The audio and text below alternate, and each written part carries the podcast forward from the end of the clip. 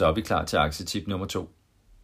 Hvorfor skal vi i øvrigt have aktietip nummer to? Ja, det skal vi, fordi at i aktietip nummer et, egenkapitalens forretning, handlede det om, der fandt vi ud af, at en af svaghederne var, at man faktisk kunne låne sig til en større aktivitet i selskabet. Og når man har en større aktivitet i selskabet, i form af mere salg, flere sælgere, større markedsføring osv., osv., ja, så har man også chance for en større overskud. Og et større overskud giver så en højere egenkapitalsforretning. Så så man kun på aktietip nummer et, så kan man godt komme lidt galt i byen, når man skal sidde og vurdere virksomheder i forhold til aktieinvesteringer. Derfor skal vi også kigge lidt på gælden. Vi skal kigge lidt på, hvor stor gælden er, og om det er en gæld, de kan betale tilbage. Det handler aktietip nummer to om. Det handler om gældsgraden.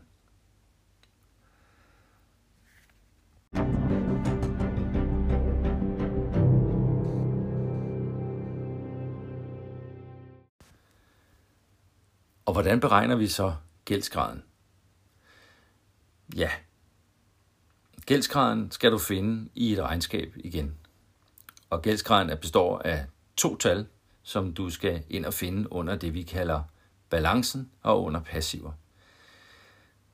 De to tal, det er egenkapitalen, altså hvor meget vi selv ejer, eller hvor meget virksomheden ejer og har rådighed til. Øh, det andet, det er gælden. Og i nogle regnskaber, der hedder det gæld, men der hedder det bare forpligtelser. Det er lidt det samme. Det er oftest delt op i det, man kalder kortsigtet og langsigtet, men det ser vi lige stort på et øjeblik. Så hvis du finder de to tal, samlet gæld, altså samlede forpligtelser, og så egenkapitalen, så har du også muligheden for at beregne gældsgraden.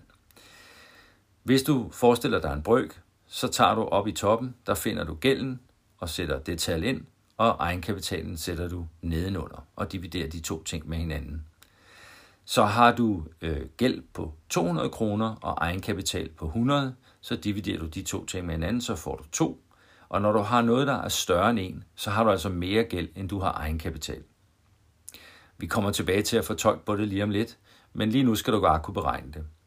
Hvis du for eksempel har en gæld på 100 kroner og en egenkapital på 200 kroner, ja, så har du sagtens mulighed for at betale tilbage. Og dividerer du de ting med hinanden, altså gæld divideret med egenkapital, så får du under 1. Så når man skal kigge på det her tal, gældsgraden, aktietip nummer 2, så er det altså godt, hvis man har under 1, og det er knap så godt, hvis man har større end 1. Hvordan fortolker vi det så? Ja, det kommer vi til lige om to sekunder.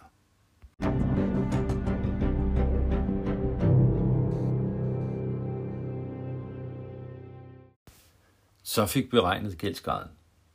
Så langt, så godt. Altså, hvis den er større, hvis gældgraden er større end 1, så har vi altså mere gæld, end vi har egenkapital, og kan dermed ikke betale det hele tilbage med det samme. Er den under 1, så er man lidt mere på den grønne gren. Generelt er gæld jo ikke det bedste. Det ved vi alle sammen. Slutningen på måneden, hvis der er underskud på kontoen, ja, så er der ikke så meget. Jeg giver en omgang attitude over os. Så derfor er det naturligvis altid bedst at have sin egen kapital. Men i forbindelse med at styre likviditet i en virksomhed eller få en vækst øh, skabt, så kan man nogle gange være nødvendigt at gå til banken eller andre steder for at få ekstra likviditet, altså ekstra kapital.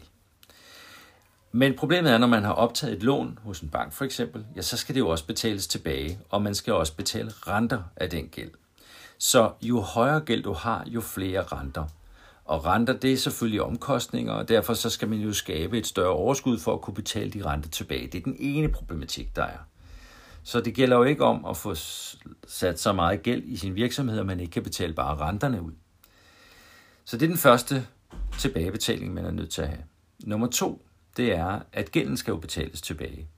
Og nogle gange, så har man det, man kalder kortfristet gæld eller langfristet gæld. Langfristet gæld, det er sådan hen over 30 år, og det er typisk gæld, man har optaget i forbindelse med køb af fabrikker eller maskiner eller boliger. Den kortfristede gæld, det er altså gæld, man, skal, man kan få hurtigt optaget, og som måske koster lidt mere, og som også skal betales tilbage relativt hurtigt, altså inden for 1-3 år. I nogle situationer, hvis man har meget af den gæld, den sidste altså kortfristet gæld, så skal man altså kunne tilbagebetale den gæld på bestemte tidspunkter inden for ret kort tid. Og der er det jo godt at have noget kapital til rådighed, så man meget hurtigt kan sige til den, man skylder, her har du pengene. Men nogle gange er man også nødt til at refinansiere. Det vil sige, altså man skal betale noget af lånet tilbage, for eksempel om tre uger, og man har ikke den kapital. Så er man nødt til at låne igen. Det kalder man også at refinansiere den lån. Så der er man ned på vej ned i banken, og der må man lige have kæmmet håret og sat sit øh, jakkeslips på og det hele, og så ned og forklare, øh, hvor dygtig man er til at drive sin virksomhed. Og hvis banken siger, at det er ok, så er der ingen problemer, så refinansierer de bare lånene, og så kan du igen betale dit lån tilbage, og så skubber du ligesom snebolden foran dig. Det kan sgu også godt være, at banken siger, nej, det er ikke en særlig god forandring, det vil vi ikke refinansiere. Så må du gå ind til nogle andre banker, eller ud på det sorte marked, og der er det heller ikke sikkert, at du får særlig gode forhold. Så gæld er jo generelt bare ikke særlig lækkert.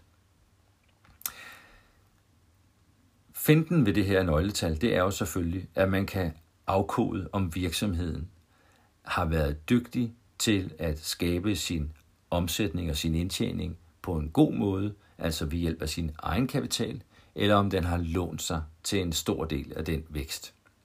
Har den lånt sig til meget og ikke kan betale tilbage, jamen så kan problemerne hobe sig op i virksomheden, og så er det derfor ikke en særlig god virksomhed at investere i. Så når man kigger på aktietip 1, så kigger også på toeren for at finde ud af, hvordan er den her egenkapitalforretning egentlig skabt. Er gældsgraden større eller mindre end 1? Mindre end 1 er godt, større end 1 er skidt. Det var aktietip 2, gældsgraden.